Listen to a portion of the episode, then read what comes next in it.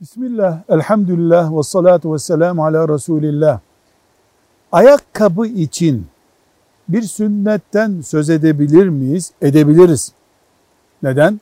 Efendimiz sallallahu aleyhi ve sellem ayakkabıyı giyerken önce sağ ayağınızı giyin.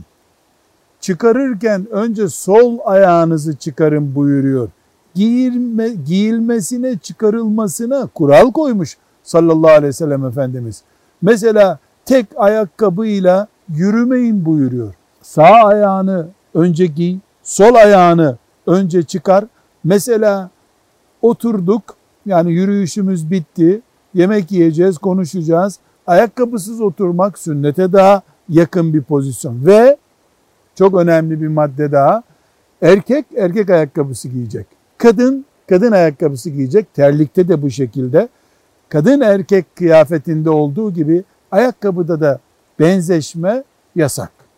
Velhamdülillahi Rabbil Alemin.